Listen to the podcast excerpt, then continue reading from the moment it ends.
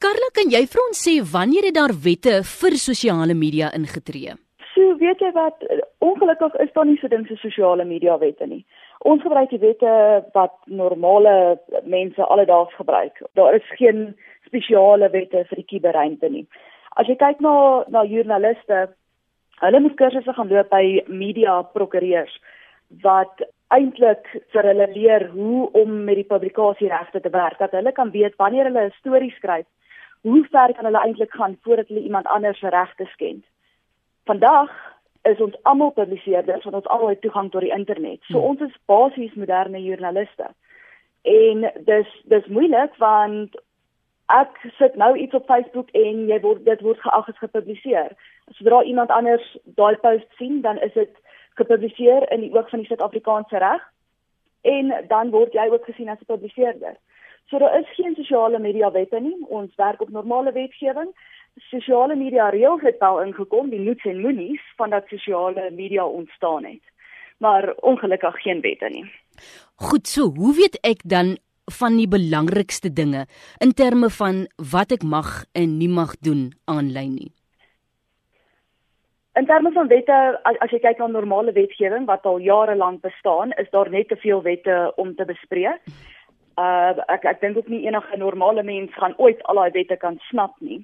Wat ons by the Digital Law Company doen, is ons het een baie belangrike toets wat ons as ons praatjies gaan doen met almal deel of dit nou korporatiewe maatskappye is of leerders van 'n skool. Ons sê vir hulle dit is die billboard test. So, wat ons doen is ons verduidelik vir hulle dat hulle moet verbeel dat hierdie groot advertensiebord in die middel van 'n baie besige hoofweg staan. En dit wat jy nou op sosiale media wil sit, moet jy bereid wees om op daai billboard te skryf. Asook 'n foto van jou met jou naam en jou van die maatskappy waarvoor jy werk of die skool waartoe jy gaan. As jy dan daardie post wat op daardie billboard verskyn op social media sal post. By all means, gaan voort. Dis fyn. As jy dit nie op daai billboard sal sit nie, waar duisende mense dit kan sien nie, moet dit dan nie post nie. En nog beter, moenie dat die inhoud bestaan op jou foon nie. Want digitale inhoud is gevaarlike inhoud en dit is een van die belangrikste lesse en die belangrikste ding wat iemand moet weet van sosiale media is digitale inhoud is baie gevaarlike inhoud. Goed, kyk, as tiener is jy baie onverskillig. Jy deel sekere dinge op sosiale media. 10 jaar later moet jy vir 'n werk gaan soek. Hoe ver terug kan iets wat aanlyn gedeel is teen jou gebruik word? In die eerste plek baie belangrike ding, die internet vergeet absoluut nooit nie. Jy kan eintlik die internet vergelyk met 'n tattoo. Dis dieselfde ding. As dit daar is, is dit daar. Dis permanent. 'n Goeie voorbeeld hiervan is Paris Brown. Sy was uh, die kommissaris vir die jeug van die Verenigde Koninkryk. So sy was basies die stem tussen die polisie en die jeug. Wat sy gedoen het, is sy het hierdie pos ontvang toe sy 18 jaar oud was, baie beroemd geword en die Daily Mail van die UK het besluit om onderhoud oor haar te doen en hulle gaan krappietjie en waar gaan krap hulle in haar sosiale media in. Mm. Kom af op tweets wat sy gepost het toe sy 14 jaar oud was rakende dwelms en alkohol en seks. 14 jaar oud. Dit is onwettig in die Verenigde Koninkryk om enigiets van daardie aard te doen as jy 14 jaar oud is. Uitgevind hiervan en sy is dadelik afgedank. Sjoe.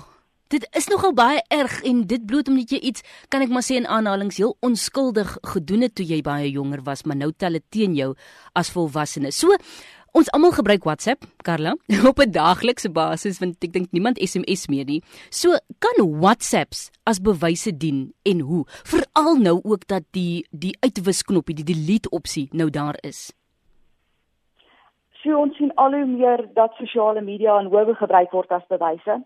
'n uh, Goeie voorbeeld hiervan is die Oscar saak. Sy Facebook posts was gebruik in die hof as bewyse en sy WhatsApps tussen hom en Riva was uitgelees in die hof dat almal dit kan hoor. Die delete knoppie help baie, maar onthou ook daar is so ding soos die screenshot. En die screenshot is reguit van die duiwel af. So voordat ek daai boodskap kon delete het wat ek vir iemand anders gestuur het, het daai persoon lankal 'n screenshot gevat en dit aangestuur. So wees maar nog steeds versigtig vir wie jy wat stuur en wat jy op sosiale media sit.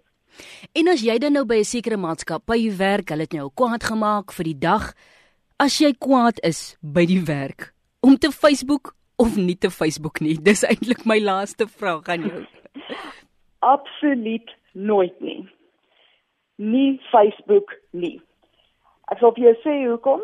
Want meeste van ons kliënte en die situasies wat ons hanteer was in die hitte van die oomblik gewees. Daardie mense raak kwaad, hulle sit 'n post op en hulle kom in die moeilikheid en baie mense is al gewaarsku by die werk asook afgedank as gevolg van hierdie tipe goed. Uh ons het 'n toets wat ons doen. Emma is baie lief vir hierdie toets en sy verduidelik dit altyd vir korporatiewe maatskappye en sy sê as jy daai post opgesit het, het hom klaar getik en jy wil die post knoppie druk, dan moet jy na jou maag luister. Ons noem dit 'n jump in the tummy test. Mm -hmm. As jou maag so 'n bietjie draai, dan weet jy nee, ek moet dit nie post nie. En onthou ook dan die billboard test sal jy dit op uh, 'n uh, groot advertensiebord sit in die middel van 'n hoofweg wat baie besig is waar duisende mense elke dag verbyry. As ja, gaan voort. Nee, moet eerder nie. Hmm. En dan uh Carla net gou laaste enetjie waaraan ek nou dink as baie mense kontroversieel wil wees en gou net iets op Facebook of sosiale media wil plaas om reaksie te ontlok, doen jy dit op eie risiko? Ek sou sê jy doen dit op eie risiko. Ja, dit is maar 'n groot risiko wat jy vat want almal het hulle eie opinies oor goed en nie almal dink dieselfde as jy nie.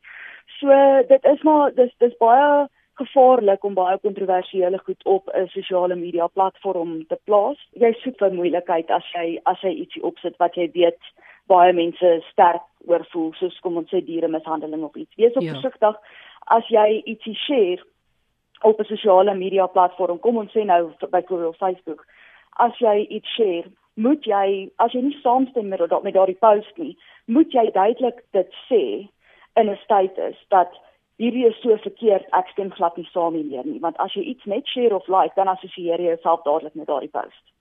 En dis 'n baie belangrike punt. Sjoe, Karla de Beer, ek is seker daar's nog so baie ander punte waaraan ons kan raak, maar ek sê vir jou dankie vir die gesels. Groot plesier, so baie dankie.